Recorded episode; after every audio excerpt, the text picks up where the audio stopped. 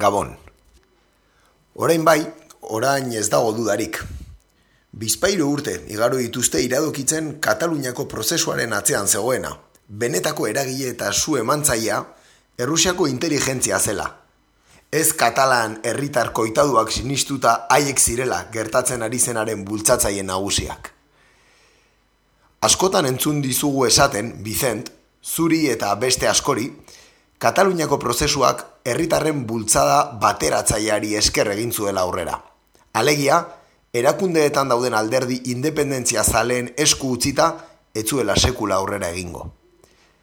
Bada, ez, etzen horrela izan, asteon jakin dugunez. Orain, jakin dugu Errusiak plan bat zeukala, Kataluniara amar mila soldadu bidaltzeko, independentzia lortzen laguntzeko. Zer iruditzen zaizue plana, Maria eta Vicent? Ez diazue esango bikainaz denik. Imaginatzen ditut, generalitateko buruak diagonalean, amar mila soldadu errusiarren eta buru nuklearra daukaten hogeita bost koeteren desfile militarra presiditzen. Putin ondoan daukatela. Berehala, hasiko ziren Bartzelonako kaletako izenak aldatzen. Putin, Mars, Stalin, Lenin, Khrushchev, Andropov, Txernenko, eta masia Espartak Mosku taldearen egoitza. Esango didazue orain esatea erreza dela, baina nik Artur Masi beti ikusi diot txar errusiar postkomunistaren begiratua. Ez berak Kap Fred Kor Kalent burua hotz, bihotza bero, liburuan eman nahi duen irudi orban gabea. Eta David Fernandez? Ikusi alduzue inor Katalunian usar errusiar baten antz haundiagoa daukanik? Irrikitan nago, noiz iragarriko duen Netflixek telesail bat Armada Gorria Ampurdan tituluarekin. Gidoilariak etzaizkio faltako ekoizleari Kataluniako auzitegietan. Baina nola ezote zaigu Euskaldunoi oixe bera okurritu. Eskutik helduta kilometrotan ibiltzea bezalako txatxukeria egin beharrean, Kremlinera deitu eta gure orografia kontutan hartuta, amar mila barik, hogei mila soldaduren esku hartzea eskatzea zertan aritu ote dira gure esku dagoko akolito hoiek urte hauetan. Ez dugu ikasten. Hau da, Martxelo Otamendik, berriako zuzendariak atzo idatzitakoa. Hemen hasten da, gaur egur. Guten Tag, meine Damen und Herren. C'est la lutte contre le terrorisme. Katea ez da eten. Agirre, garaikoetxea. Gaur egur. Gaur egur. Gaur egur. Jolasten eta enredando.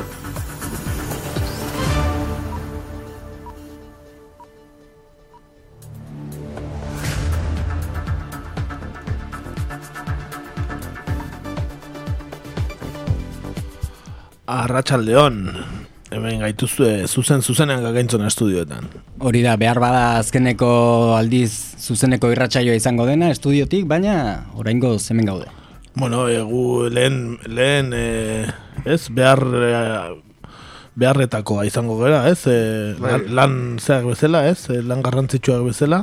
Hori da, medikoa baino garrantzitsuago. Hori da, gu ere, ba, ba, behar handikoak izango gara, eta orduan igual utziko digute, etortzen estudiotara, ez? Ziur baiet. Ja. Baina no, lurrazpitik ere baditugun pasaizu sekretu batzuk, ba, igual etorriko gara, ikusiko dugu, nola da joan astea. E, gaurkoan ere, hiru gaude, eh, laugarrena falta.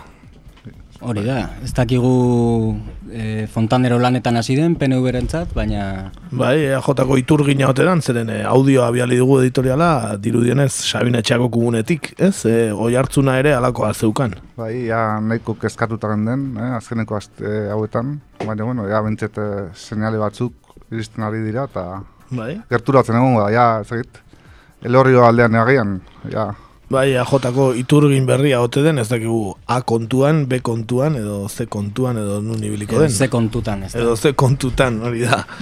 Beno, ba, bezalka da, Sabine Etxeara, edo Sabine Etxeako estolde, estolderiara, eh?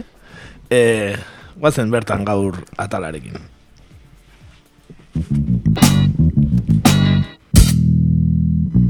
Bertan gaur.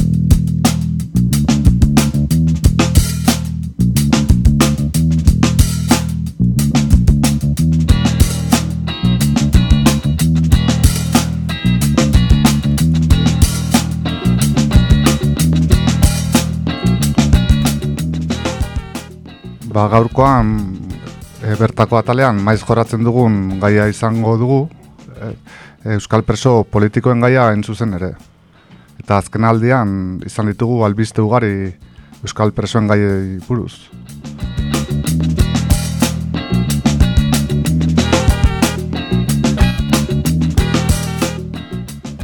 Lehenik, agian, egoera laren ari helduko diogu, Iñaki Bilbauren goze eta garri grebari, izan ere, atzo bertan amnistia eta askatasuna mugimenduak jakinarazi zuen berri zekin diola goze eta garri grebari.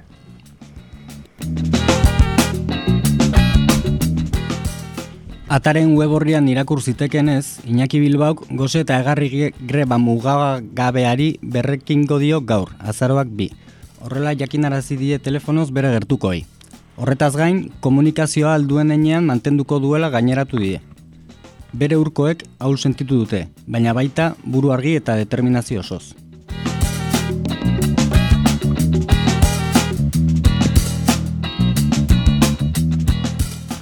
Eta ipatu dugu bezala, Iñaki Bilbauk goze grebari ekin dio berriro ere, ez? Bero gehieta marregunekoa egin ostean.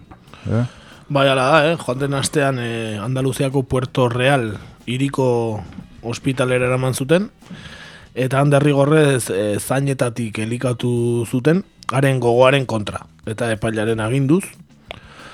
Aurreko ostegunean, ospitaletik e, Puerto Irura iru espetxeko erizendegira eraman zuten, eta horren ostean erabakizuen ba, berrogeita marreguneko goze eta komunikazio greba bertan behera ustea, Iñaki Bilbauk.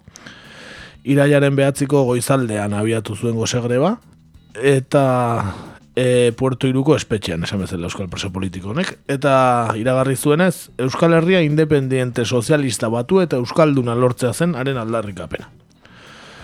Gogoratu behar da, Bilbaok e, e, aldarrikapen hauekin 2008ko maiatz eta ekaina artean hilabete egin zuela beste goze greba bat.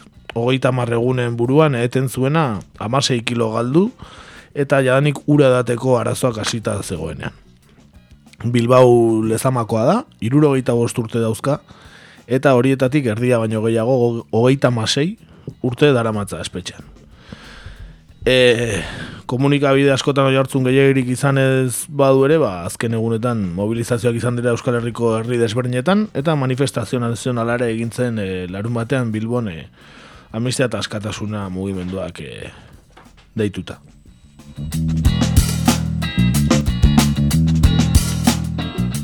Bueno, egoera gogorra, Iñaki Bilbaoena. Duari gabe ez, e, orokorrean gogorra bada, berez e, Euskal Preso Politikoen egoera, baina gainera orain gozegrega berriro hartzeari ba, bai, auto hori egin baldin badu, ba, bueno, bere arrazoiak ediko ditu noski, baina Bai, haul, haul dago, ez? Haul egon beharra dauka, ego segre baurreko astean amaituta berro eta marregun ez orain berriro ekiteko. Bai. Baina, bueno, ba, irudi hori dala bere naia, ez? Ez dago la... Bai, esan dugu bezala, bere bizitzaren erdi baina bai egola darama kartzelan, eta ez dago aurrek uspenik e, laizterraterako denik.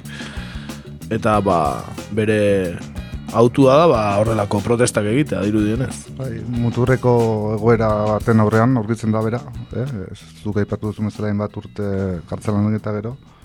Eta e, berak egin duen autoa ere e, muturrekoa da, ez? Ezen, ondori oso latzak e, izan ditzake bai beregan.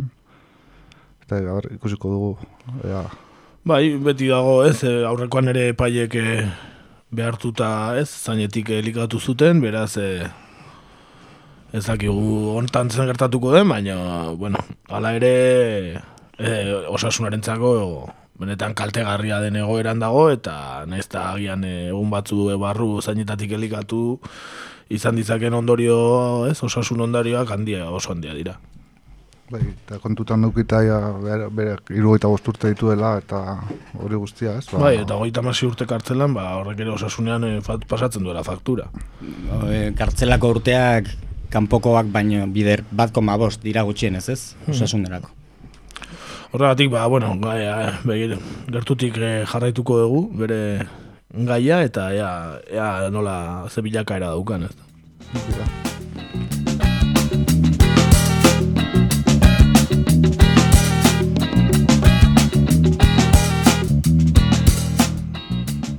E, Ipar Euskal Herritik berri, zalbiste hobeak izan ditugu azken astean, edo? Bai, e, jakingo zenuten bezala, Frederik Aramburu, Sistor, baldintzapean aske uste erabaki zuen Parisko zigor, zigorrak aplikatzeko auzitegiak. Hirugarren aldia zen Euskal Presoak baldintzapeko askatasuna eskatzen zuela, eta horrengoan onartu diote. Aramburuko hogeita urte baino gehiago egin ditu kartzelan, e, etaren argala komandoko kidea izatea leporatuta, eta bizi osoko kartzela zigorra ezarri zioten laro gaita marreko amarkadaren erdian. Beraz, zigorrak e, berez ez dauka bukaera datarik, e, e, badibidez, jakes, jakes esnali ere e, antzeko zerbait gertatzen zaio, ezta?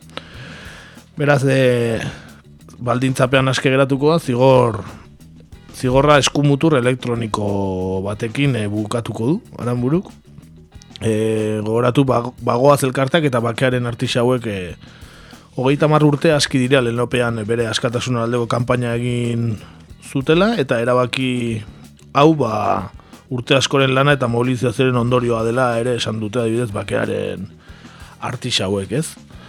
E, gogoratu behar da Ipar Euskal mugimendu zabala izan duela, e, aranbururen askatasunaren aldarrikapenak, gizarte zibila, sindikatuak, alderdi guztietak ordezkariak, baita Euskal Irigun elkargoko lendakaria eta Baionako alkatea den janrene etxe garai, eta, eta beste abar, ez, e, ba, bere alde agertu direla, bere askatasunaren alde, edo baldintzapeko askapen honen alde.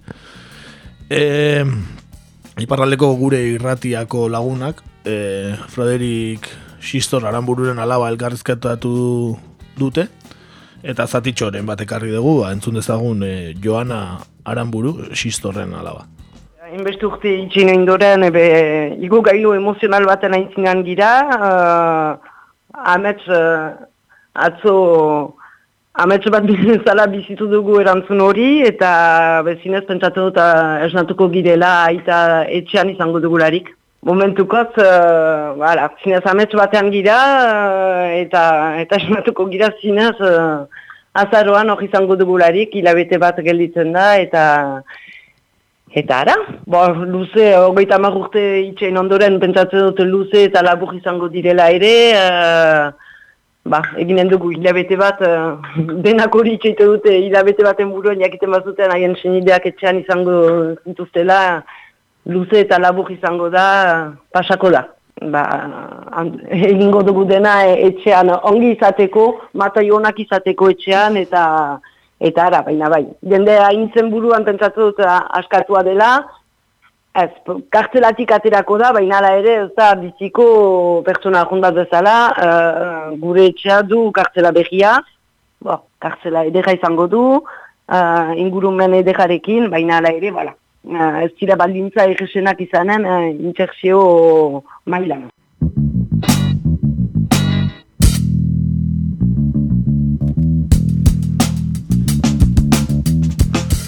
Kartela utziko du, baina etxea izango da kartzela berria esaten du bere alabak, ez? Pozik dago, noski, baina ez da ez dago aske, ez? Beraita ez da aske geratuko, ez? Egoita marrurteren ondoren. etxean bete beharko du ba, geratzen zaion zigorra edo ez dakit elegite ba gehiago eta bar egon arte, ez da?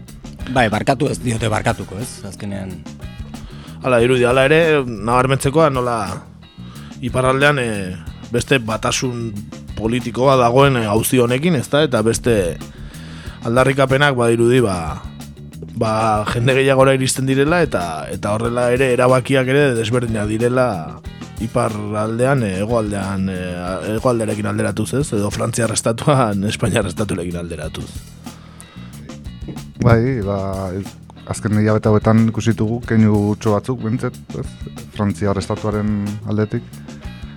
Eta, bai, ba, azuk aipatu ez, e, eragi, bat eragile, ba, lan handi egiten nahi die, azkenek urte hauetan, e, urte luzetako lanaren ondorioa izan daiteke, ez sistoren kontu hau, eta be, uste dut bere egoeran darenak e, beste bidiela, la? Ba, jonke paparot eta ja kens esnal, ez? Baita ere. Eta ea hauekin ere, ba, erabaki berdina hartzen duen, ez? Zauzitegiak. Bai, itxaropenerako atea irikitzen dio gentzeta da. Bai, hori da, baina hori jakin da, e, e, bizi osorako Bai. zigorra direla, bestela, ba... Bai, Frantziako legea hortan eh, esan daiteke desberdina dela eta oso zorrotza dela, ez? Bai, ea, e, bintzat, e, ba, zigor hori etxean bete dezaketen, ba, esan bezala eskumuturreko elektroniko batekin. Ez dakitenanik da, orain etxetik atera daitekeen e, eskumutur horrekin, edo etxean bertan bakarrik egon ahalko duen, edo oiek gauza horiek oraindik ez dakizkit. Orantxe bertan Frantzian etxean geratu beharko du, beste guztiok bezala, ez da, baina... Hori bai, hori, hori seguru. Baina, Bai, gero, ezakit, ze baldintza edukiko dituzten, ez? E, bueno, ikusiko dugu, datozen hilabetetan, o, eh? aurrerago, ze baldintzatan geratzen diren hauek. bai, behintzat, eh, aspaldiko partez, eh, albiste erdi hon bat, ez? Euskal preso politikoen eh, alorrean, ez? Mhm, Bai, bai, alaxe da.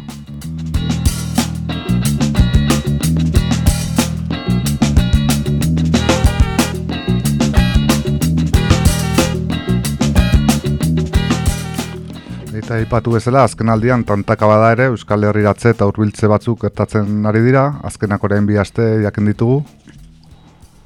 Espainiako espetxe erakundeak bi euskal preso politiko euskal herriratu eta beste hiru hurbiltzea erabaki du. Martutenera eta Zabaiara leku aldatuko dituzte Joseba Arregi Erostarbe eta Garikoitz Garzia Arrieta, urrenez urren. Logroñora hurbilduko dituzte Alicia Saez de la Cuesta eta Ugaitz Perez Zorriketa, eta Burgosera berriz Iñaki Armendari Zizagirre. Denak dituzte kondena luzeak, hogei eta hogeita urte artekoak.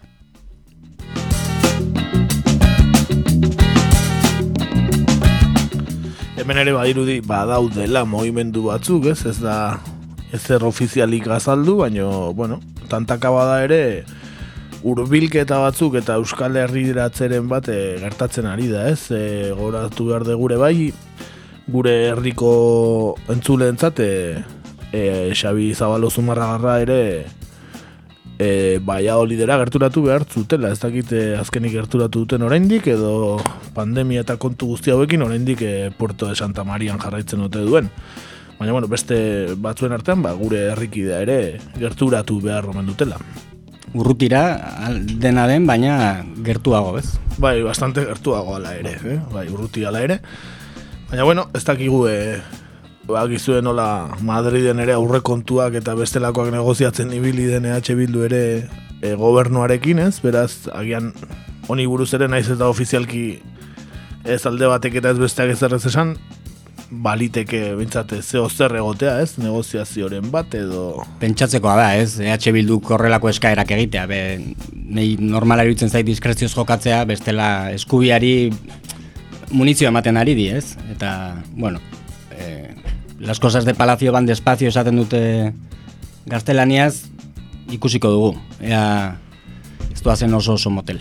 Bai, hori da, eh, esan ere Euskal preso politikoen kolektiboak eta bake zen e, foroak, bake foroa uste dela, e, bildu zirela aurrekoan ere e, ez dakit Andaluziako kartzelan batean, Granadakoan edo uste dut, eta hor aipatu zutenez, e, ba, Euskal preso politikoen kolektiboak e, begi honez ikusten du tantaka urbiltzea naiz eta nahiago izango luken erabaki potoloago bat, ez, eta azkarrago bat, baina, bueno, bentsat, e, pixkanaka bada ere, ba, ea, joaten diren e, urbiltzen, ez?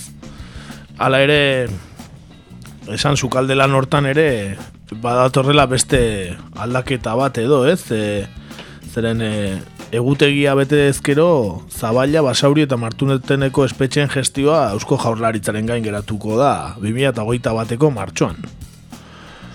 E, Espainiako politikak denaren Espainiako gobernuko barne ministerioaren eskuetan jarraituko du. Baina, esan bezala, martxoan beste amaika transferentziekin batera etortzekoa da espetxeena. Kusiko dugu gertatzen den edo nola gertatzen den eta zenbateainoko kudeak eta ez, e, boterea daukan jaurlaritzak eta Euskal Herriratzen badituzte batzu, baina bestelako erabaki batzuk hartzen diren edo ez, baina bueno, aspaldi o, eskakizuna dan e, transferentzia hori martxoan e, e, autonomia erkidegora aldatuko omen dute, ikusiko dugu. Bai, eta dispertsioak oraindik jarraitzen du ala ere, ala? Bai, dispertsioa edo urruntzeak, isolamenduek, e, graduen ebaluzirako zailtasunak, preso gaixoak ere bai, ez? Gaixo dauden presoak, iruro gaita urtetik gorako presoak, zigorrak metatzeari buruzko Europako araudiaren aplikazioa, eta berrogei urteko espetxialdearen berri ikuspena, beste beste, ba, badira oraindik e, konpondu beharreko arazoak e, dispertsioaz gain, ezta? Ba, uka, beti dispertsioa ez dugu, baina, bueno, badude. Beste salgo espen neurri batzuk oraindik indarrean daudenak, ez? Hori da, hori da. Espero ezagun transferentzia honekin hori arintzea behintzat edo...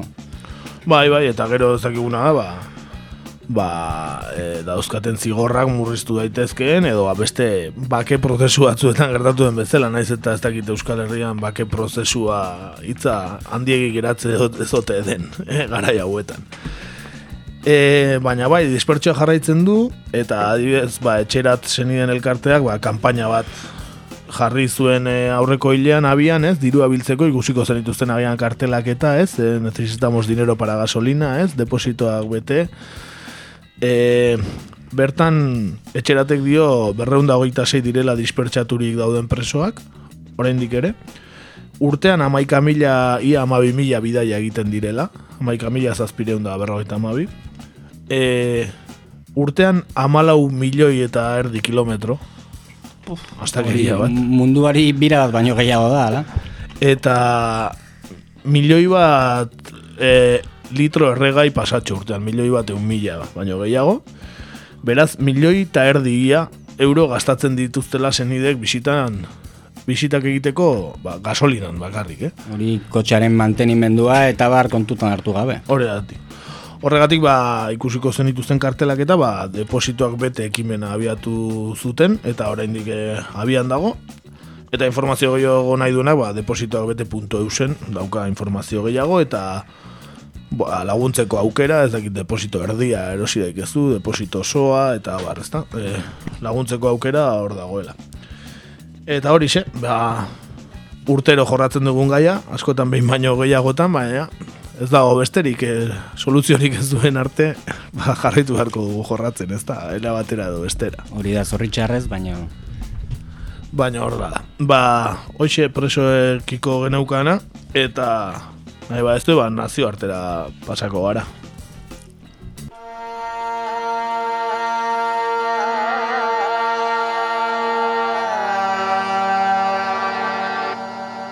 Nazio artean gaur,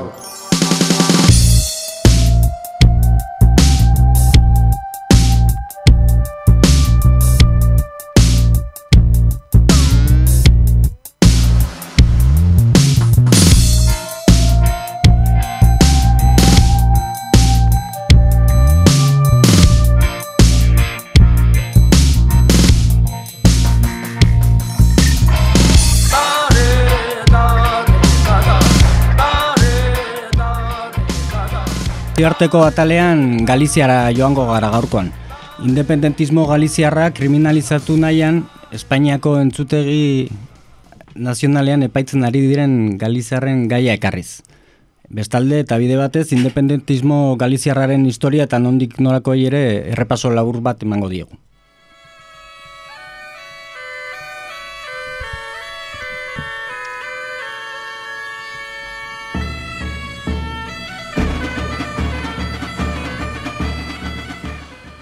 Bueno, nortzu dira eta zergatik ari dira epaitzen e, Galizia rauek, e, zertaz akusatzen dituzte?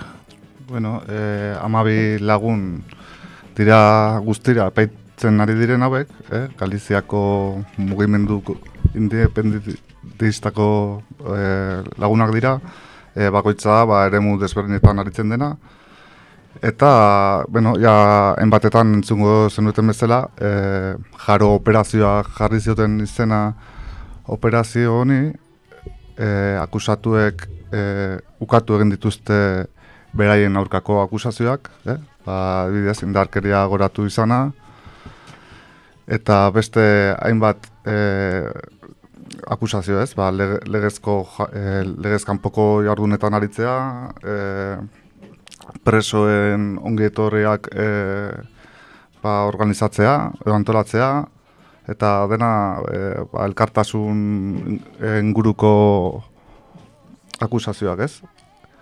eta aipatu, ba, Guardia Zibilaren jaro operazioarekin hasi zela prozesu judizial guzti hau 2008 garren urtean, eta ba, bost urteren ondoren hasi dela hauzitegi nazionalean epaiketa hau ez.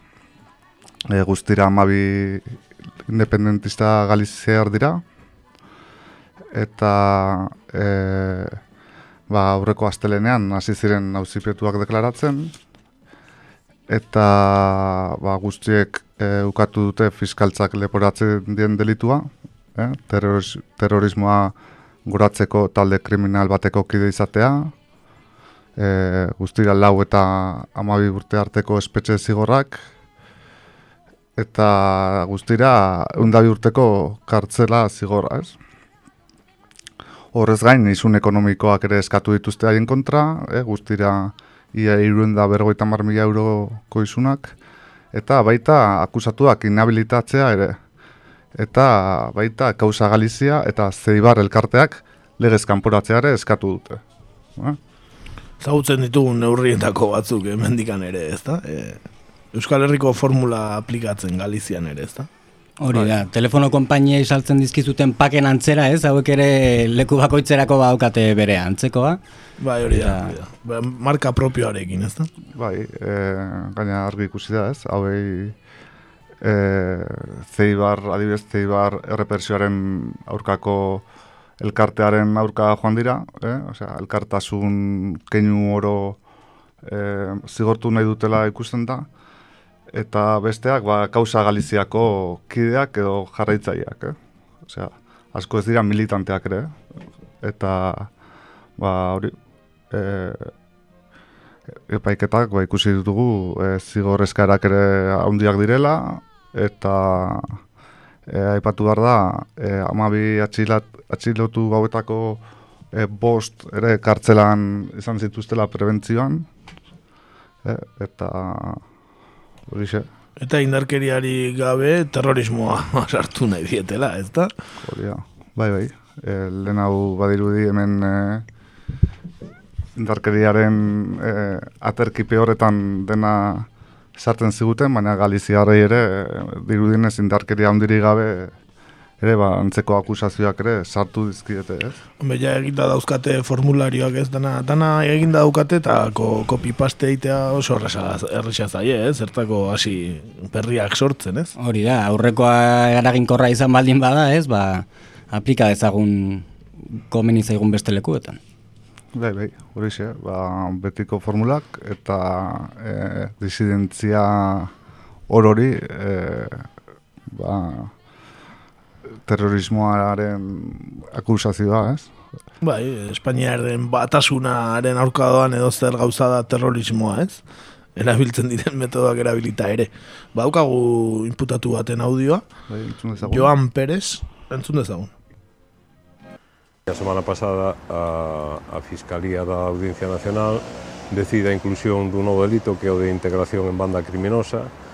Neste caso son 4 anos que se engaden a, a, a aquel delito inicial e multiplica o, o delito de enaltecimento do terrorismo que cada quen tiñamos asinado individualmente por tantas veces como supostamente se cometeu. No? O tipo delitivo de enaltecimento do terrorismo é realmente un saco sen fondo e o que permite a, a un tribunal de excepción eh, xenerar todo tipo de imputacións, de procesos, incluso de ingreso en prisión. No? Nos autos iniciais aparecían como eh, elementos probatorios de, do suposto enaltecimento do terrorismo aparecía a celebración do aniversario dos mártires de Carral, eh, conmemoracións por militantes falecidos, eh, bueno, absolutamente toda esta memoria histórica está considerada a día de hoxe enaltecimento do terrorismo. ¿no? Refírome á memoria histórica independentista. ¿no?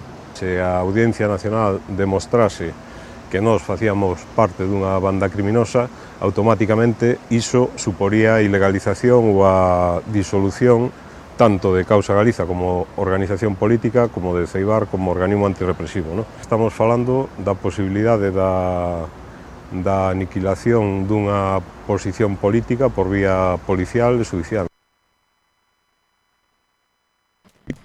Ba, hor txentzun egu, ezta? E, Joan Pérez nola, ez, e, organizazion kriminal, ez, nahi dieten sartu, eta terrorismoaren goratzea ere bai.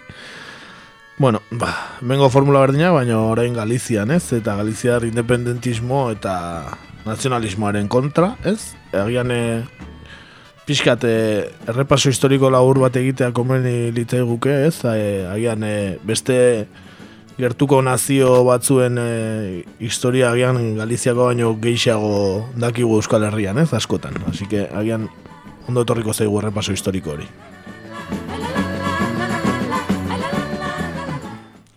Bai, ba, esan daiteke, bai munduko eta bai Europako beste hainbat eh, askapen mugimendu bezala, ba, emeretzi garren mendean duela azia e, Galiziako e, mugimendu abertzaleak, eta eh, esan daiteke resurdimiento izeneko mugimenduak haupatu zuela e, abertzaletasun galegoaren aziaz.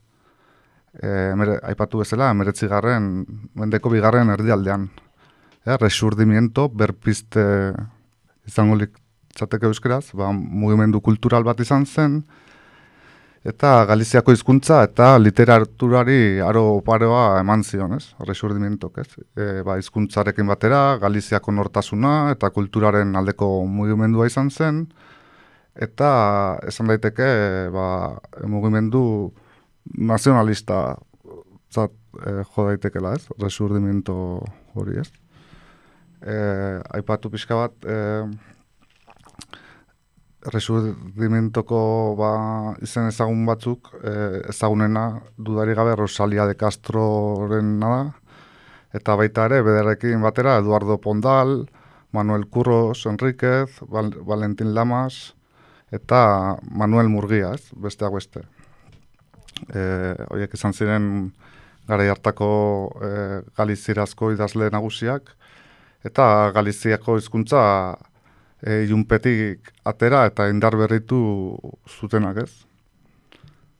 Eta ba, resurdimento mugimenduarekin batera, Galiziako mugimendu regionalista ere agertu zen, eh? e, asoziazion regionalista galegaren inguruan, eta em, lehen aipatu dugun Manuel Murgia eta Alfredo Brañas izan ziren mugimendu honen bultzatzaile nagusiak hori, e, pizka bat aipatu, resurdimiento mugimendu horren inguruan sortutako e, mugimendu kultural horren inguruan sortu zela. Ber, berpizkundea, ez? Hori, eusportze ba, Galiziaren ba, berpizkunde kulturala. Hmm. Beste Europako leku gehienetan gertatu zen garai beretsuan, ez? Han ere.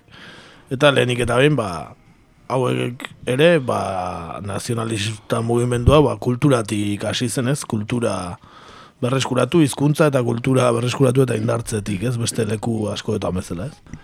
Bai, hori da, eta bai, e, bai, adibidez, Rosalia de Castro eta hauek, e, aipatu behar da, ba, ze gara hartan, ez, Galiziar hizkuntza auspotzea eta Galizera zidaztea, eta, ba, simbolikoki ere, ba, gauza oso berezia izan zela, ez? Eta zaila behar bada, eh? Osea, bai. ez daukiat datu askorenik, eh? baina badakit Galiziarritza adibidez eh, Latinoamerikan erabiltzen zala tonto moduan, ez? Eh, sinonimo bezala. Eta pentsatu dezakegu, ba, Galiziera hitz egiten zutenek eh, kultura gutxiko jendea edo horrelako gauzekin lotuko zutela behar bada, ez? Mhm. Bai, enbet, eh, aurre iritzi eta jasan hori dituztez, Galiziarrek eta gaur egungo e, mugimendu independentistak ere ba, aurre iritzi horiei eta aurre egin nahi die, hori argi eta garbi ez. E, beti azpimaratzen dute hori ez. Baina, e, resurgimentoko idazle hauek eta oso onak ziren gara hartan, zan edete punta-puntako, Espainiako maian punta-puntako idazleak ziren, eta adibidez ondoren, laro gaita mezortziko mugimenduakoak eta ba, asko kopiatu zieten resurdimenduko e, gizon hau ez? Ema, gizon emakume eta gizon ez? Ba, hori ez, kasu enten gizon emakume ez, eta ba, Rosalia de Castroren kasua ez. Eta ipatu adibidez e, Rosalia de Castro ba, bere poemak eta bere abestiak eta bere puñak e, ba, oso izan daiteke ba, bai nostalgikoak eta bueno, e, pena pena askori buruzkoak eta ez e, direla eta aipatu ba, berak e, e, sei seme alaba izan zituela eta denak e, bera baino lehenago hil zirela eh? eta, eta beha Rosalia Castro etzen zarra hil, eh? etzen oso zarra hil, eh? Batiltzea drama bat baldin bada, pentsa zeira. Penaz beteriko, jo, bizitza bai. orduan, eh? normala penari buruz idaztea, ez? Bai, ba, garaiko gogortasunaren, ez, izpilu, ez? Garaiko Galizian, izango zen bizimodu gogorraren izpilu, ez? Mhm. Eta, bez, hori, bizka bat eh, resur, eh, ba, mugimendu horren itzalean, sortu zen, gero... Eta gero ze bilakera izan zuen, edo? Bai, ba, adibidez, eh, eta kegu gerra zibil garaian eta hori dena, en, mugimendu abertzale Galiziarra fronte nazional eh, fronte nazionalean sardu zela eta republikanoen kontra. Ez ez, republikaren alde hori eta e, hori gero e, kontatuko dut, gero pixka bat Franco ondorengo bilakaera ez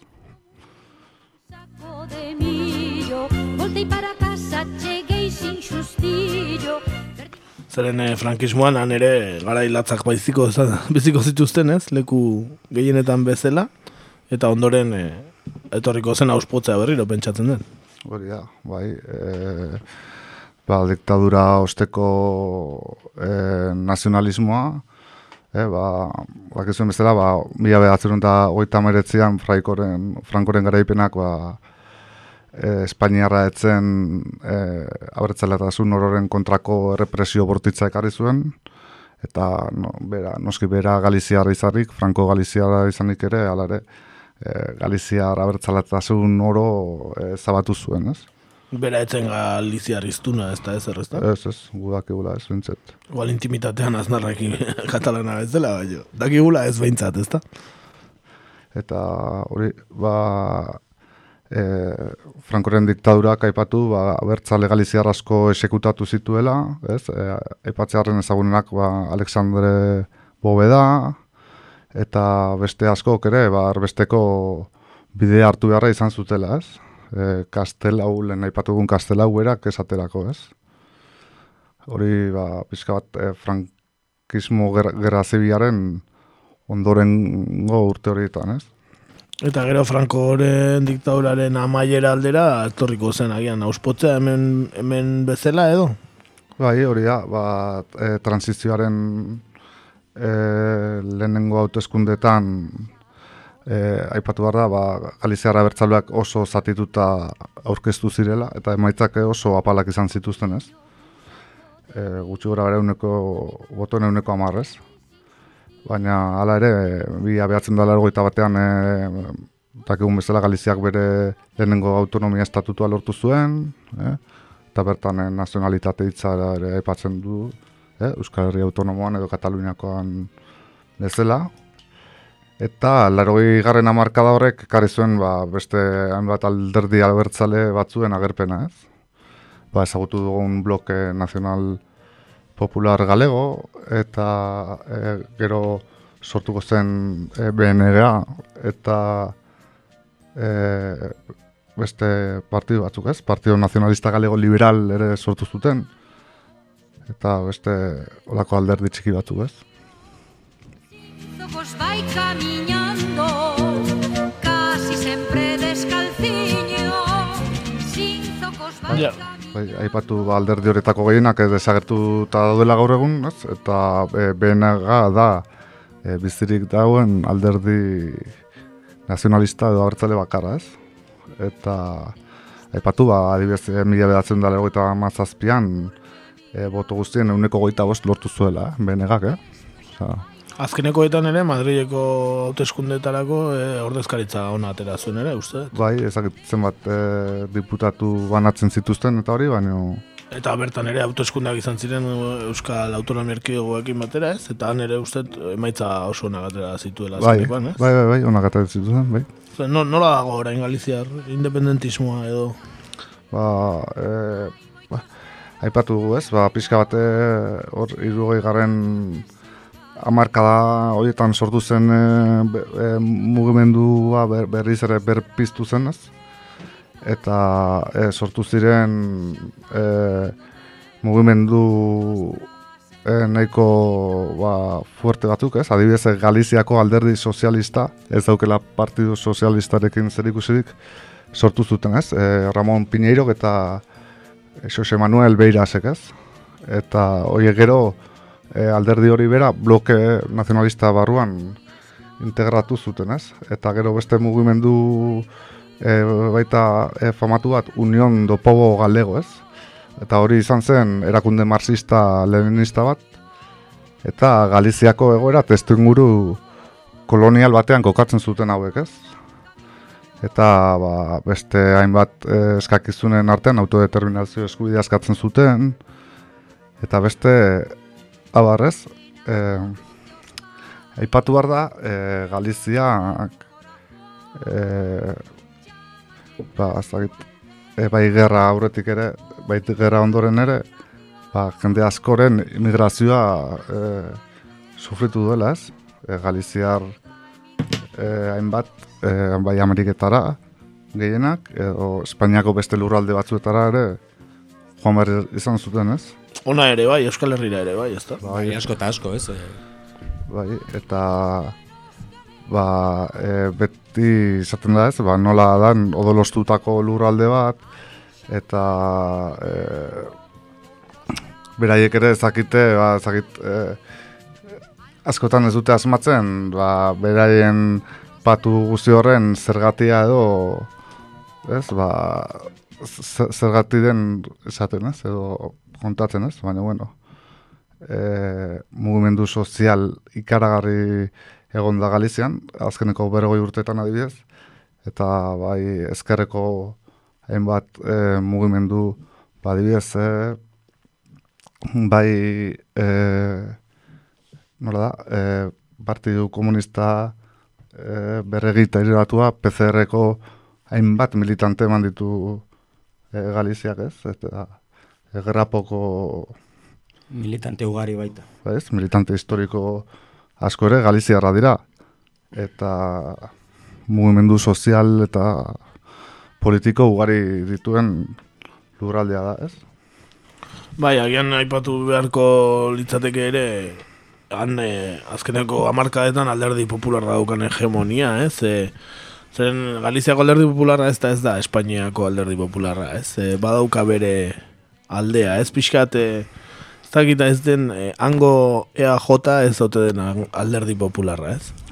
Bai, oso alderdi kli, klientelarra esan daitekena, erabat klientelarra, e, ba, bere e, ere muak eta oso ondo kontrolatzen dituena, bai botoak, bai boto emaleak. E, bai, e, ingurune menditsu eta herri txikietan eta ere beti ateratzen du boto gehien, ez hor ba dauka... Bai, eta bai, bai, bai. Susmo txarreko kontuak ba daude horren atzean ere. Bai, bai, beti esaten zen ez, beti entzun izan dugu ez. ez ze, ez, ez, susmo txarrak edukitzeko moduko bada, ez? Bai, narkotrafikoarekin loturak eta barrere bai, ez da? Bueno, hori... Esaten da, esaten da. Baina, bueno, hemen Euskal Herrian ere, galdetu gauztarri edo irakurri bere liburua, ez da? Eh? Galizia zeiten da narkotrafikoa zitzeiterakoa, baina hauztarren liburuan jartzen duenez, Euskal Herrian eh, gehiago dago. Bai, hemen gota zitzegin ere zagiten, ez? Bai, bai. Han serieak eta badituzte, ez? Bai, bai pelikulak eta. bai, bai, mengotaz ez dute egingo, ez. Mengotaz alardea iburuz eta da egite dituzte. Eta patria. bai, ba, hori, e, mugimendu hartzale galiziarra, ba, gusten denez azkeneko urtetan berriz ere, ba, berpisteko lanetan, ba, lan handia egiten aritu direla. E, ikuste, ba, nik uste dute azken urteetako e, represio olatu hau ere, ba, horren erantzunare badela, argi eta garbi.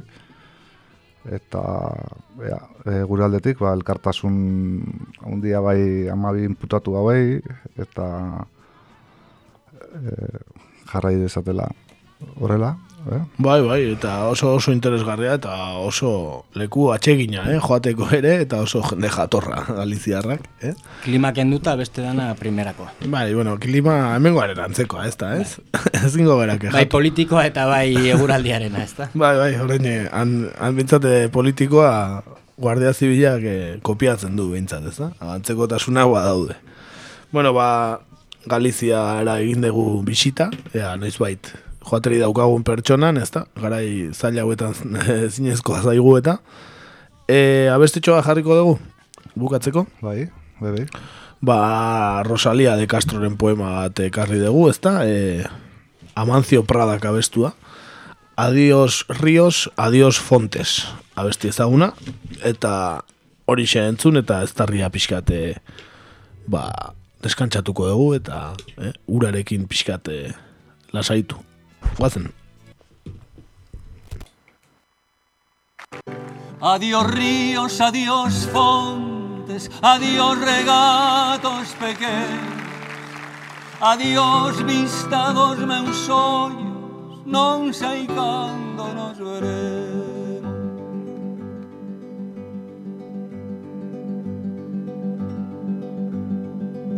Miña terra, miña terra, terra donde meu criei hortiña que quero tanto, figueiriñas que plantei, prados, ríos, arboledas, pinares que move o vento, paxariños piadores, casiña do meu contento, muiño dos castañares, noites cranas de luar, campaniñas timbradoiras da igresiña do lugar, amoriñas das silveiras que lle daba meu amor Camiñiño santo, millo, adiós para sempre, adiós.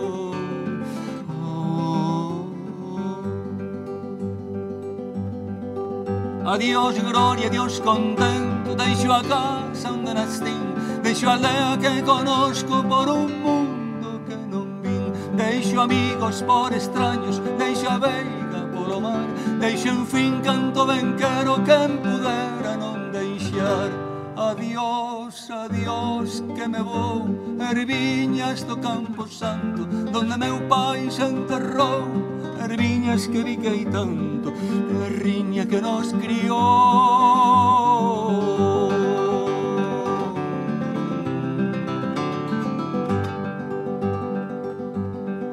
Se se oien longe moi longe As campanas do pomar Para min, hai coitadiño, nunca máis han de tocar. Se se oyen lonxe máis lonxe Cada balada é un delor.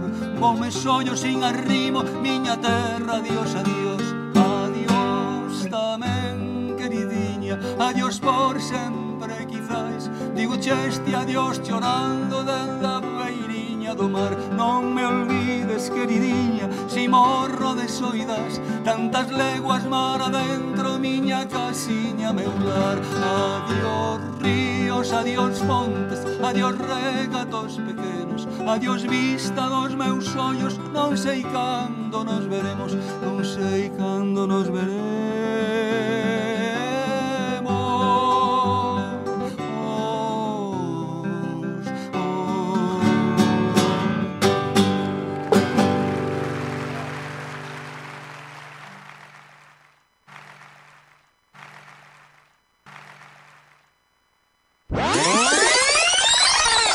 Gaurko egunez.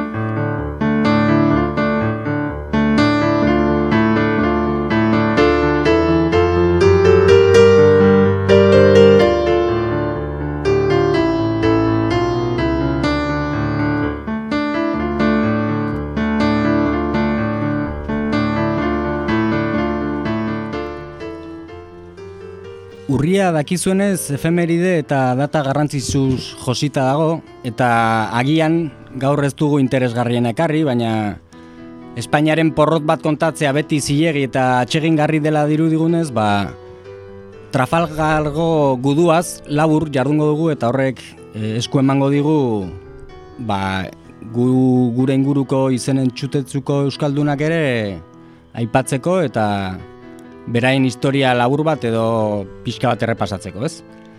Eta, bueno, badakigu zentzu diren, ez? E, gutxi gora bera, zentzuk izan daitezkeen gure marinel famatuak, baina gerorako utziko dugu misterio apur bat.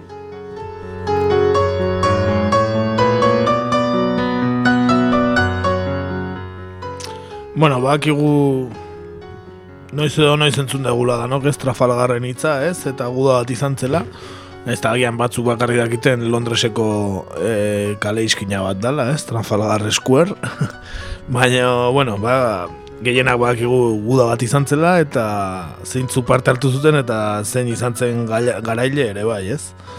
Baina pixkate kontestura joango gara lehenbizi.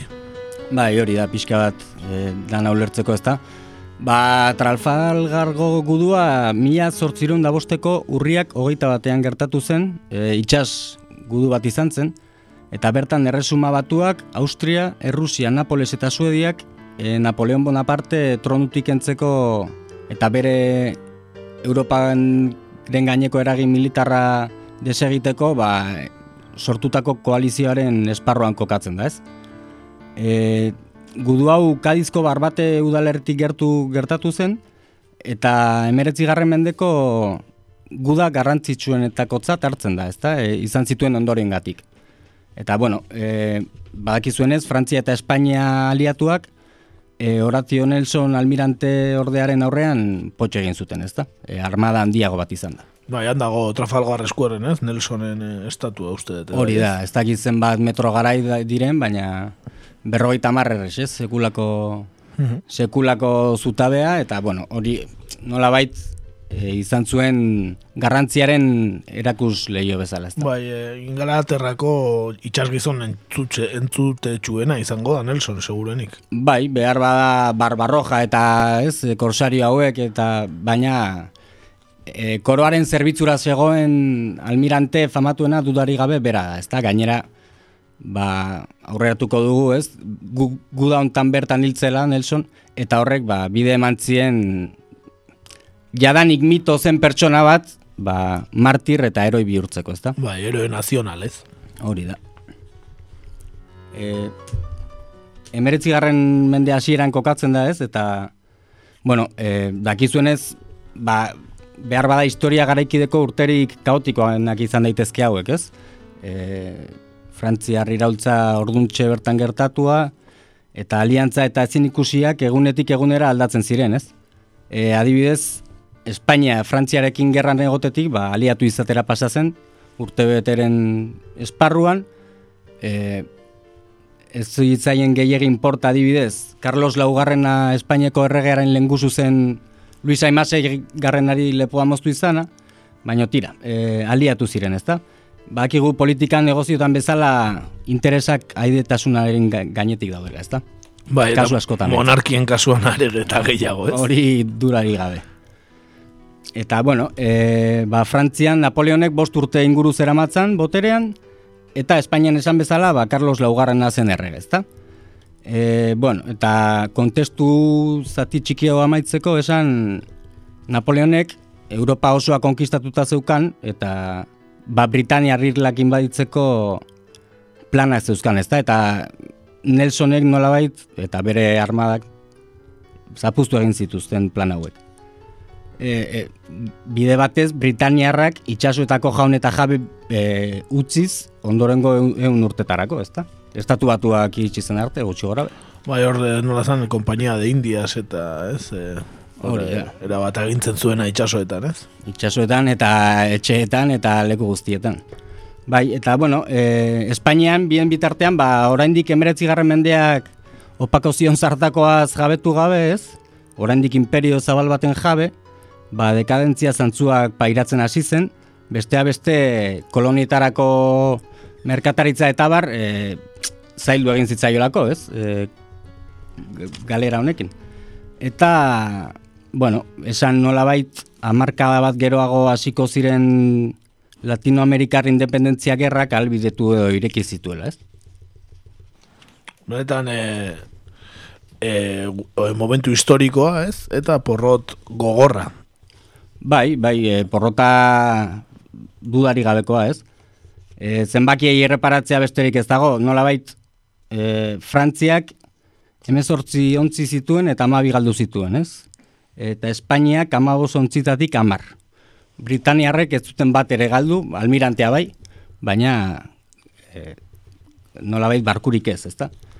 Orduan lasai gauzen, ez? Almirantea, bueno, jo, barkoa gondo baldin badaude, ez? Almirante berria etorriko dira. Bai, e, Nelsonek ja fama handia zeukan, ez? Eta nolabait galera handia izango baliz bezala saldu zuten, baina e, hau nere eritze pertsonala, ez? Baina esan behar bada itxuraz garestiatea zitzaien galera ura, garaipen bat izan zitekela, ez? Gero martir eta eroi bilakatu zutelako eta honek ba...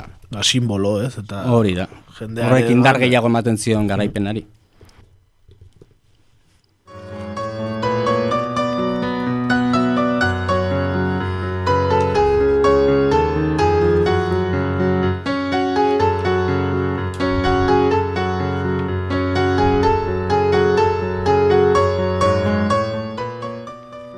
esan behar da egon zirela ingelesak, e, frantsesak, espainiarrak, baina Euskaldunak ere bai, eh? Euskaldun e, benetan e, entzutetsuak, eh? izen handikoak ere egon ziren bataia hortan, ez da? Hori da, ez beti bezala, ba, Espainiaren gerrak Euskaldunenak ere badirela frogatzen dugu tamalez, eta tristeago da, ez, behintzat, gaur egun ere horrela jarraitzen duela, zen nola bait, e, gure historia ofizialean edo historia kontatzeko moduan ez da zipitzik aldatu. Eta nolabait irakurketa kritikorik gabe egiten dugu eta Espainiako historiografiak egiten duen edo saltzen duen janskera berdinarekin apaitzen ditugu gure eroiak ere ez, kakotx tartean.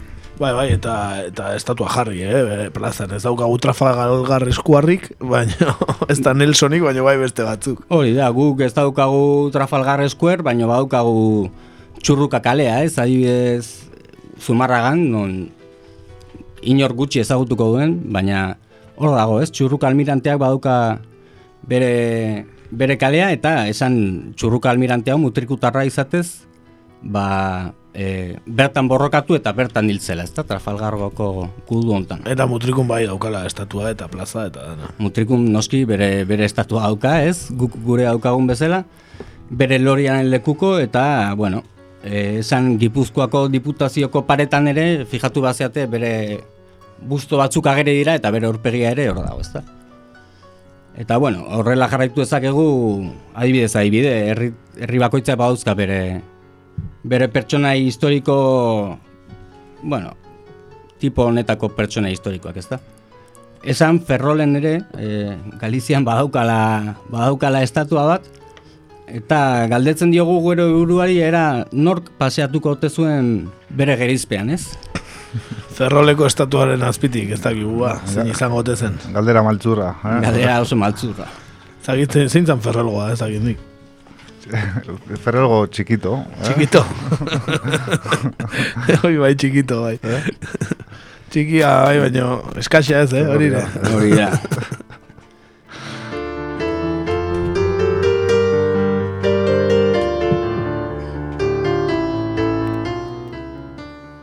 Eta, bueno, ba, esan nola bait, behin eta berriz errepikatzen den historia bat dela, ez? E, erritako estatua eta kaleak ikusita Euskaldun hauena, e, famadun Euskaldun hauena, guk ez du rutira joan beharrik, eta, bueno, e, hau baino mende bat edo bi atzerago eginez, argi ikusten da hori, ez? Espainiak e, bere imperioa zabaldu zuen garai eta zari gara, Eta, bueno, e, gure hitziak pixu nahikorik ez duelakoan autoridade argumentu baten bila jo dugu, eta Francisco Letamendia hortzik, e, nazionalismo basko, oen ez daukat buruan izena, baina bere liburu famatuan, bueno, tomo bat baino gehiago dira, e, ona zer dio nonenik buruan.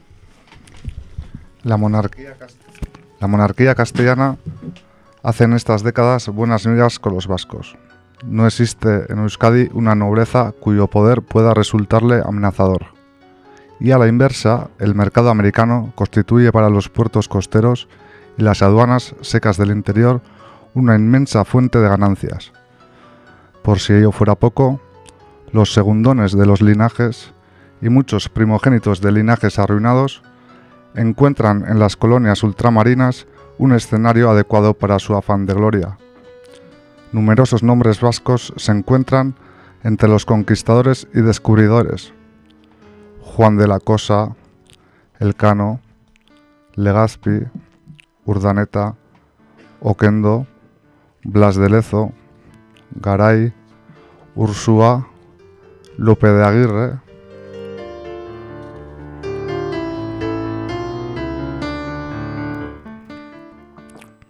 Pero no solo aventuras lo que brindan estas tierras, sino también la posibilidad de hacer rápidamente fortuna, y ello mediante métodos que aunque encubiertos bajo el disfraz religioso resucitan, como en todos los imperios coloniales, la esclavitud. En este reparto son los vascos, emprendedores y no olvidemos universalmente nobles, quienes se llevan la parte del león.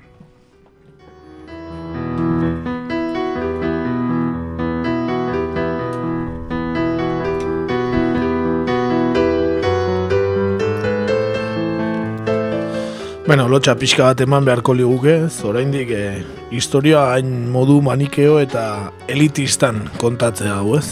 Bai, ez, inolako ikuspegi kritikori gabe ez, eta ez, a ber, nik ez dute esaten pertsonaia famatuak eta gesta handiak egin dituztenak ez direnik gogoratu beharrekoak, edo, bueno, nola bait, ba, bueno, behar bada bai, baina bai, horrelako loriarekin eta nola ez, horrelako estatuak herri guztietan eta ez dakit hain beharrezkoa den. Bai, Baina... Historiaren, historia klasetan e, erakutsi beharreko izena dira, ez? E, noski, baina, bueno, agian e, atzetik jarri hartzaien e, argudioa edo edo benetan azaldu zer izan ziren, ba, ba agian ez da hain eroikoki eta saldu behar, ez da? Bai, ez, eta hori irudikatzeko, ba, bueno, ekarri dut e, zea bat, ez? Nei auzolotxa sortu zidan pasaizo bat, Jose Azurmendik kontatzen du Euskaldunak eta Espainolak liburu gogoan garrian, eta da, hain zuzen, ba, e, txurruka ez, baina okendo generalaren, bo, almirantearen inguruan, ez da? E, esan laburki okendo izan zela almada garaite zineako kapitan garaitua, ez? E, eta, bueno, oso izenen txutetsua eta abar eta abar. Hemen ere badaukagu zumarran beste kale bat, bere txurrukarrenaren ondoan uste dagoela, ez? Legazpi eukita gero, adana, adanak. Eh, hori da. Las de lezo ez daukagu, baina, bueno, hemendikan eh, alkate jaunari proposatzen dugu, baita. Bai, hori da, eitzan egiten ari diren kale berri eta urbanizazio berrietarako, ba... Eitzan aproposa izan liteke, Blas de lezo adibidez. Bai, begira. Era bat imperiala geratuko zen zumara, eh? Bai, hori da. Beretan imperioaren herria baita. Hori da. Eta, bueno, e, ba, zuen permisoarekin azurmen diren pasaizo hau berak dioen bezala irakurriko dute, zenei nolabait pertsona jauen nolakotasuna eta izaera argitan uzten duen pasadizo barregarri eta triste bada aldi berean ez. Honela dio Jose Azurmenik. Egun batean, kontzertu batera joan ginen lagun musikari aleman batzuekin. Eta ez dakiz zergatik, holandes batzuk suertatu ziren gomitaturik eta musika holandesa ematen zen. Espainolen arropuz fama iparraldean ezagutzen duen. Duke albakoa zer mabuden ere holandesentzat. Baina gau hartan beste hausia gertatu zitzaidan.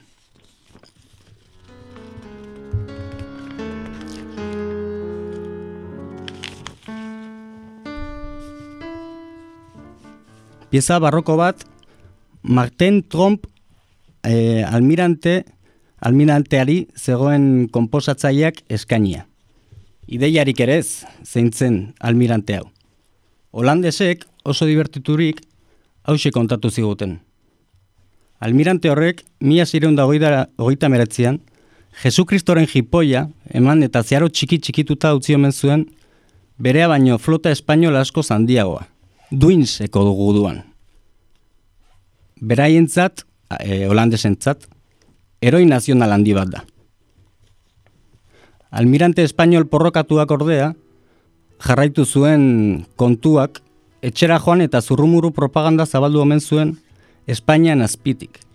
Hogeita bat untzirekin bakarrik, berak eun eta mala untzi galant holandez, arras abarrikatu zituela bataia horretan. Eta desastre horregatik, Trump almirante hau, Estatu Generalaren epaiz, e, den jageko plazan, lepoa moztuta akabatu zutela.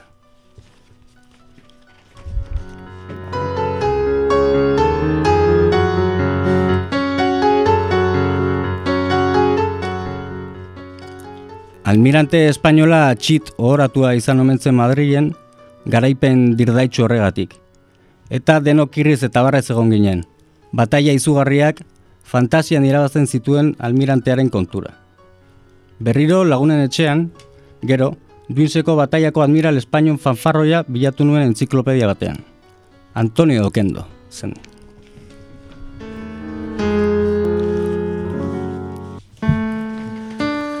Bera, Zolandesen hitzetan e, galtzailea izana, bere, bere hitzetan e, garailea, ez? Eta donostin eta leku askotan hemen zumarragan ere kalea eta hau dituen okendo jauna. Ez Hori da, okendo handia ez da, eta nola bait, ba, zel lotxa gutxirekin garai hartan izkuta zitekeen behar bada, ez da, horrelako guda baten inguruko datuak eta bar, gaur egun ezin ezkoa litzateke noski, baina e, osea, ze, ze itxurakeriaz jarduten zuten, ze, eta nahi barregarra irutzen zait, nola hemen eroi nazionala den bat, beste estatu batean, ez oso urrun, ba, porrota garai, osea, porrot izugarri bat jasan zuen pertsona bat izan zen, ez? Bai, bai. Bai, eta ez dituguna jakingo, ez da? Eh? E, ba, adibidez, eh, legazpi bakigu zer izan zen, baina agian gauza gehiago ere izango zen eta ez ditugu jakin, ez Eta ez ditugu jakingo, segurazki, baina, bai, nahi pasadizo hau, bueno, atentzio asko daitu zitzen, ez gero, e, nola bait, lotu nuelako badago liburu bat, e, El Conde Monte Cristo, eta justo badago militar baten irudia, berdina egiten duena, ez? Gauz, gezurra esan bataia baten inguruan, eta bueno, gero, buelta etorri zitzaionari, okendori, zoritxarrez ez. Ez ez, eta gaina izen handia dauka Euskal Herrian, ezta? Eta horrekin, ba... Bai, horrekin horatu ditu izen handi batzuk, ezta? Hori da. Bai, handia Josea Zurmendi ere, eh? Bai, jauna. Alemanian bizi da, dakizuen ez, eta... Ja, ja, orain, orain... Ba, orain ja, ja erdi erretiroan bai. dagoela uste du, ja. Bai, ja, zartuta, baina, baina bai, bai. Beti da erreferente bat. Bueno, ba, abesti bat jarriko dugu, e, orain e, ja etenak maizago egiten ditugu irratsaioaren amaiera honetan. Abesti bat ekarri dugu e, Joseba Tapia handiarena, e, xategiko batalla, hau e, Kanadan izan zen batalla bada, Frantziaren izenean e, xalaberri koronelak egina, egun batean kontatu halko dugu xategiko batalla ere, baina bitartean ba, abesti bikaina hau jartzeko beti da aitzakia ona, eta entzun dezagun.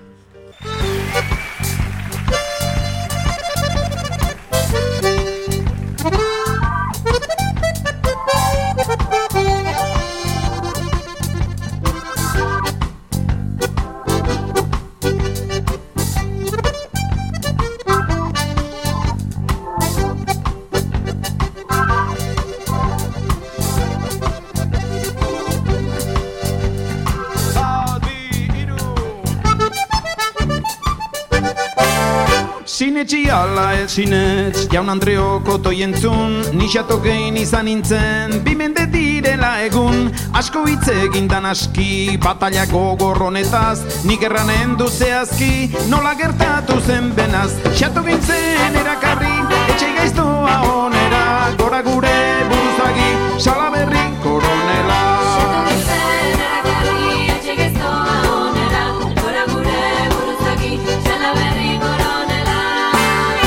Goizean geunden guztiak lezoietan satorturik Salaberri koronela aldiz arkaitzean zutik Bermongo ego aldetik trompetak zuenean jo Koronela koiuka su erredezagun Louis Armstrong. Xato gintzen erakarri etxe geiztoa onera Gora gure buruzagi salaberri koronela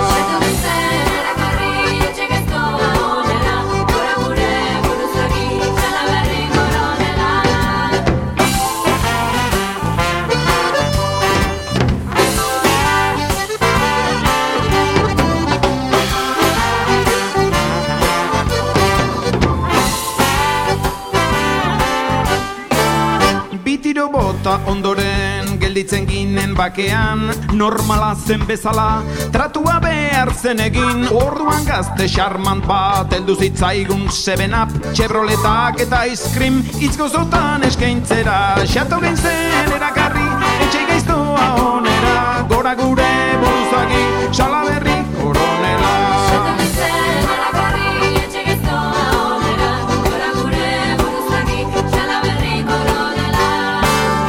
Bazkal ordua eltzean, akabo zen gure gerra Norbait igortzen genuen, hotok eta likoreka Anetzela falta ezer, patatekin hamburgerra Beharrik lagun garritzat, bagenuen alkaseltzer Xato gintzen erakarri, etxe gaiztoa onera Gora gure buruzagi, salaberri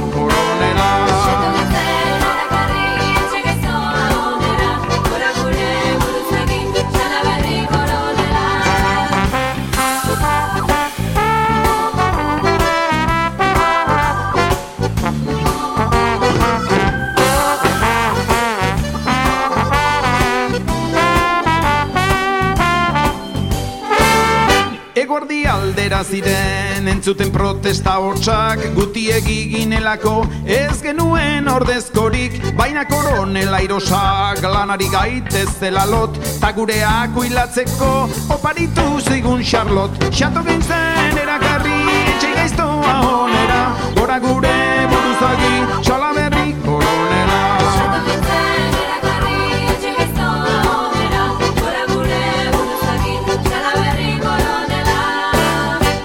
Duda muda zen batalla, koronelak txitabilki General jankitarrari gutu nazion pidali Esan zion behazak bile debaldetan ari gaituk Hemendik eun urtera, ireduk dena diru truk. Xatu gein zen erakarri, etxe gaiztoa onera Gora gure buruzagi, salaberri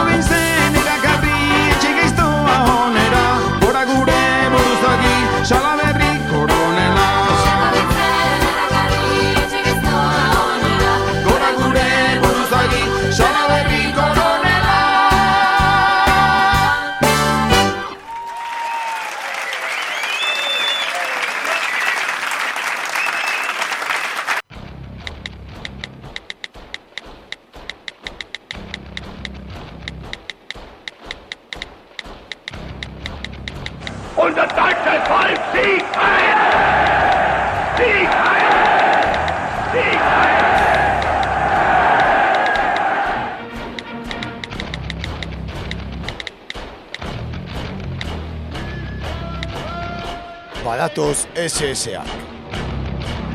Sare sozialetan egur.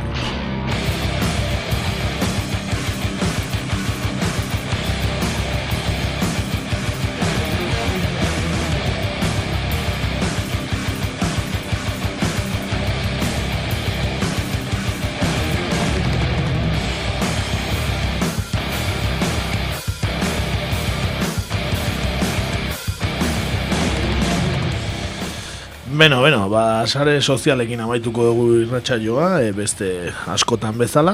E, ba, sare sozialetan, esan behar atzo hasi nintzela gai hau prestatzen ez, bat hau, eta ez naukan bate argi ze buruz hitzein.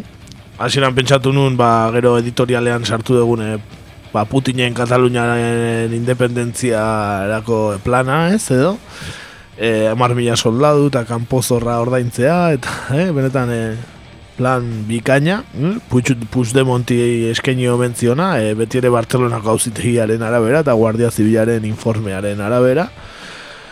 Ez eh, ni ere, ba, ba, Euskal Herritik eh, horre, horren alde, eh? Putinekin kontaktatzearen alde, eh? independentzia lortzeko. Eh? Hori da, Kataluniarsk. Ez, Bai, eh, beste, beste, lehen bazegoen bide esloveniarra, bazegoen bide eskoziarra, eta orain... Ke- Quebeceko bidea, ez? Eta... Orain bide rusiarra. Bide. Rusiarra. Benetan agian efektiboena hori izango da. eh? Ba, eh, bueno, kontua, kontua ala ere, e, Rusiarrek enbajadoreak humorearekin erantzun zuen, ez dakit ikusten duten, ez? E, esan zuen amar mila soldadu, ez ez, milioi bat zeuzkela, eta bi gerra zibileko bi abioi e, prest euskatela bidaltzeko, ez da, ba, nahiko umore hartu zuen e, ofizialki enbajadoreak, baina bueno, ez da nik errusiarekin e, horrelako astakeriak e, izateak e, zenbateaino egiten dion e, onura Espainiari, ez? Eta zenbateaino kalte, ez da nik e, ez da Venezuela bezala, ez? Venezuela beti sartzen dute zakuan eta gogor, baina Rusia, di Venezuela baino gauza potentzia handiagoa da, ez da? Bai, Espainia baino buru nuklear gehiago dauzka, ez azteko. bai, bai, eta beste soldadu gehiago eta jende gehiago eta dana, ez? Beraz, ez da ginik oso ondo Benetan pentsatu altu duten eh, Errusia aserretzearen ondoriak zein izan daitezkeen, eh? Espainiaren zat ba, hori izan zen lehen hasiera, baina, bueno, e, e, gero baita pentsa honun, e, ba, bihar Amerikako estatu batutan e, hauteskundek diala. Eh? Bihar dia, e, bakizue, zahar dema, eh? Biden Trump, eh? zaharretxetako dema. Eh? Bai, ba, bat, batzutan ematen do, hemengo hauteskunde diala, eh? Zarik, segun ze komunikabide... Bai, bai. Eh? Ematen do... Ba, atzo ETV bin, e, espezia, e, irre, programa espeziala entzuten, saio espeziala, eta gaur ETV baten daukate antzekoa, adituekin, eta abar, eta abar, e, Sasi adituekin. Bai, hori da. Gero iparraldean hauteskunde daudenean, e, hogeita bosgarren minutuan aipatzen dituzte emaitzak, eta estatu batuetakoan egunero aipamenak eta, eta, eta saio bereziak ere bai, ezta. Honetan, e, nazio ikuspegi bikaina eta berena beti bezala. Baina Honi buruz hitz egiteko arrazoi bat izan bazen atzo zazpikak zekarren erreportaiagatik zen. Zagit ikusi zuen. Bueno, abertan e, aitor narbaiza ageri da. Ermuan jaioa, baina umetatik estatu batetan bizi den gizona. Eta, bueno, zergatik e, gizon hau. Bueno, baitorrek berrota urte ditu, eta elko herrian bizi da. E, elko, ez dakit, ze kondado dan, ez dakit nungoa. Baina da, bertako xerifa. Oh. Eta gaina elkoko elko euskaldunak elkarteko kidea ere bada eta euskal kultura bultzatzen duen elkartean parte hartzen du eta aitor berak eh, ar, eh, harria jasotzeitu, harri jasotzailea da eh, festivaletan Elkora bisita giratua nahi dugu Benetan bikaina, eh? Elkoko xerifa eta harri jasotzailea, benetan Bere, bere garaian zumarragan ere edukion harri jasotzaile bat, ere, municipal lanetan. Etzate gogoratuko, baina. Ni ere ez gogoratzen, ez? Baina, datu, bonita, gaber zein gogoratzen da, nidatzi guzu Twitterren, agertzen dan, e, zumarragan harri jasotzaile zen municipala. E, baina, hori, baina, autoeskundei buruz zeitezuen aitorrek, eta ez da zen petxatzen duzuen bozkatuko duela aitorrek, Biden edo Trump. Eman dituzun datuekin eta nei duda gutxi gehatzen zait. Bai, ez da, ba, bai, bai, eh, Donald Trump eh, bozkatuko du, eh? Eta gainera, aipatzen du artikuluan, eh, susmoak dituela, hauteskundak manipulatuta egon ote daitezken, eta abar, eh? Que, xerifak agian bere pistola Trumpen eh, eh, alde erabiliko du, eh? Bueno, ba, hori, hori zen beste gauza bat aipatzeko modukoa, baina horrela bilatzen ari nintzela, ba, Twitterren sartu nintzen, ez? eta begiratu nunea bazintzian e, nabarmendutako gaiak edo trending topic esatzen dana, ezta? Eta sartu atzo eta lehen gaia, lehena, garrantzi handienekoa, hola zen, gora eta. Beste behin ere? bai. Izan zen dala... Dala, dala gora bat, ez? Ba, atzo berriro, gora eta. Eta esan baino, ze kristo, nola izan daiteke hori Espainian trending topic, ez? Eta harrituta sakatu nun, eta ea zergatik otezan, Eta kontua da, ba, enterako zinaten, azte buruentan eh, pandemiaren inguruko neurri murriztaien aurkako mobilizazioak eta protestak izan dira, ez, Europa guztian, e, e, Roman, Parisen, Bartzelonan, Madriden. Arrasaten. Bai, hori da, Euskal Herrian baita arrasaten, Bilbon, Gazteizen, ez? Ba, kontua jendea hasi dela esaten eskuin muiturra, ote dagoen horratzean, ez? Horrelako informazio bat baino gehiago atera da. Baina gazteizko bideoan e, hau entzuten da, mobilizatzen ari denenek, oh, behitu ze oiukatzen duten.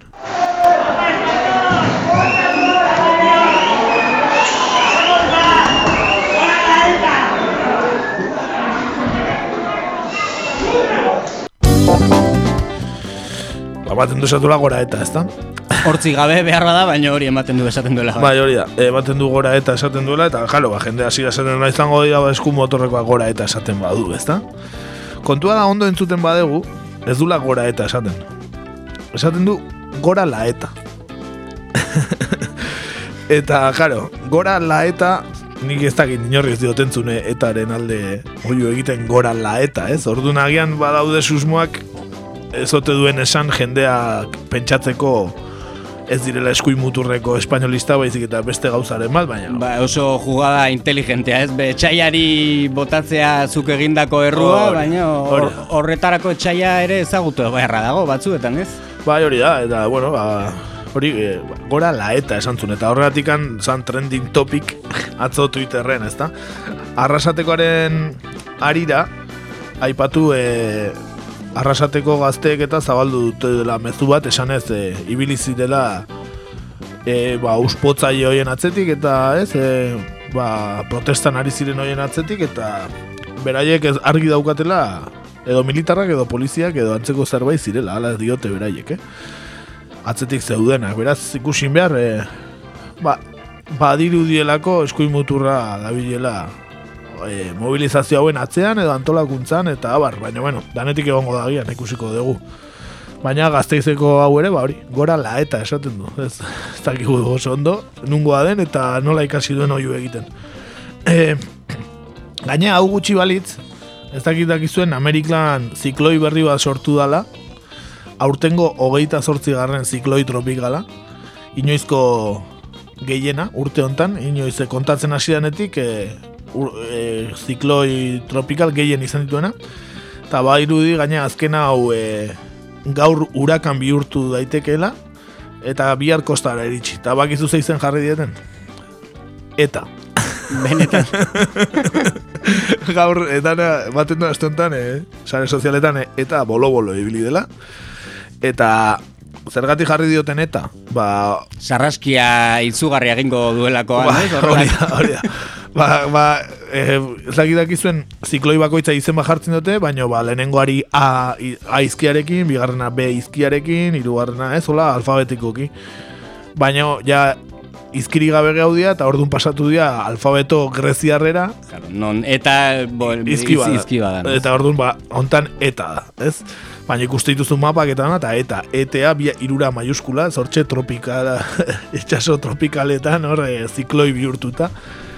Eta, eta hori, badiru diela, hurakan bihurtu daitekela, beraz, titularrak ere halakoak izango dira, ez? E, izugarrizko sarraskia etak e, Amerikan, eta abar eta abar, ez? Beraz, e, horrendi jokua emango duen gaia izan daiteke hurakanarena. Eta e, egoak ematen dizkio trapen garaipenari, olako, eh? Hori bai, bueno, berez, badiri, badirudi e, estatu batuetara baino gehiago Nicaragua eta Zentroamerika aldera ote doan. Beraz, e, bueno, beste etakide batzuk ere bukatu zuten Nicaraguan, ez da, ba, ba, eta urakanak ere badirudi baietz. Eta hori xe, ba, azkenean gai bakar bat ekarri beharrean, ba, popurri bat ekarri dizuetela. Ondo interesgarria eta eta barregarria ere bai, ez? Nola bai. bai, bai, nuen ur- urakarena nuen espero, eta bestea ere, ba, hori, gora la eta... Gorala eta hori epikoa da, eh? Hori hori. e, ba hori, e, hauteskundeak ere estatu batutan izan ditugula. Ez dugu pentsatzen urra astean hori buruz hitz egingo dugunik e, sakontasunean, baina bueno, aipatu beharko da seguruenik ez, imperioaren e, presidente derrian orden, ikusiko dugu. Ea berria den, ez, ez naiz ni oso Biden zalea, baino Bueno, bat edo beste izan zaharrak berri. hori, hori dudari gabe, baina... Zati gaina biak bastante, eh, ja, nahikoa urte dituzte, edozein eh, herrialdeetan agintzen hasteko ere, eh, baina, bueno. Bai, baina urte fisikoki Trumpek ume baten itxura gehiago dauka, ez? Ba, eta gazte dago oraindik gainera. Sasoitxu ikusten zaio, covid ere pasadu ondo, eh? Beretan eh, sasoitxu dago, bere hile hori lerdenarekin.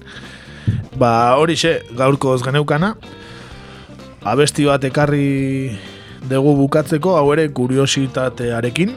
E, izan ere, alabedin bada irratxaio bat hiru kortxe aditzen dara, musikai buruzkoa oso interesgarria. Eta horrentzun genuen aste honetan abesti hau dala lurri diltza dala zazpi urte bete dia aste honetan.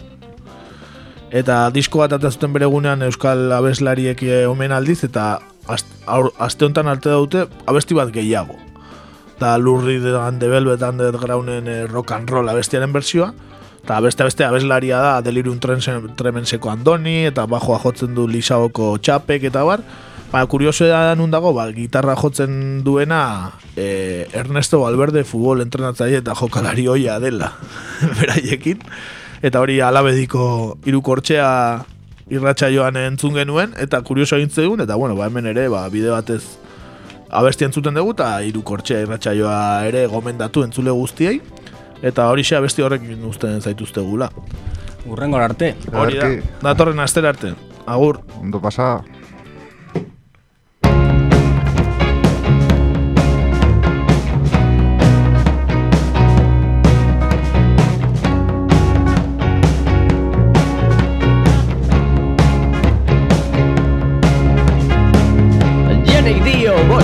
Zituenean zain zegoela zer gertatuko. Irratia jartzen zuen guztietan zain zegoen zer gertatuko, zer gertatuko.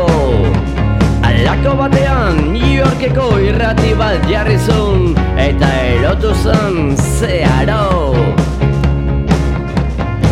Astintzen hasi zen musika eder horrega salbabidea zuen rock and roll.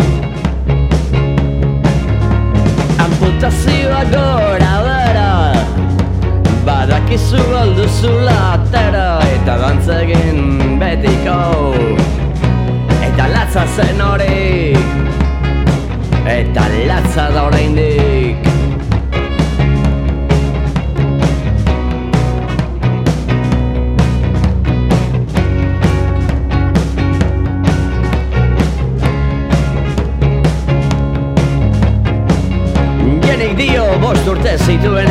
zituenean Aizu aita ame gaituztea katuko Bi telebista eta pikadillak horrek ez dau bat ere lagunduko. Alako batean New Yorkeko irrati bat jarri Eta erotu zen zeharo. Astintzen hasi da musika ikaragarri horregaz Salbabidea zuan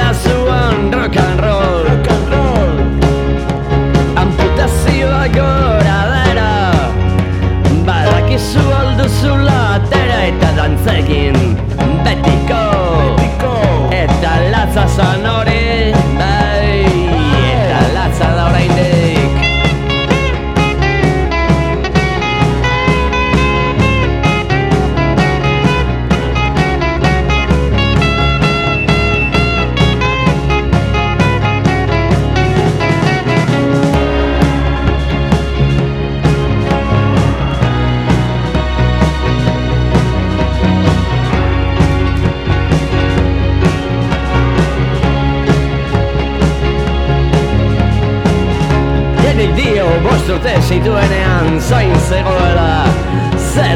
gertatuko, zer gertatuko Irratia jartzen zuen guztietan zain zegoen. Zer gertatuko, zer gertatuko? Alaka batean New Yorkeko irrati bat jarri zuen. Eta erotu zen zeharo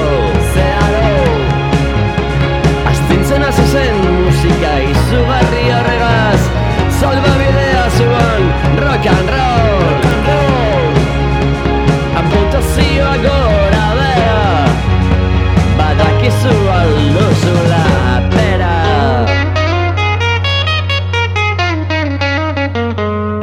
Eta dantza egin betiko. Rock and Eta latza zen hori.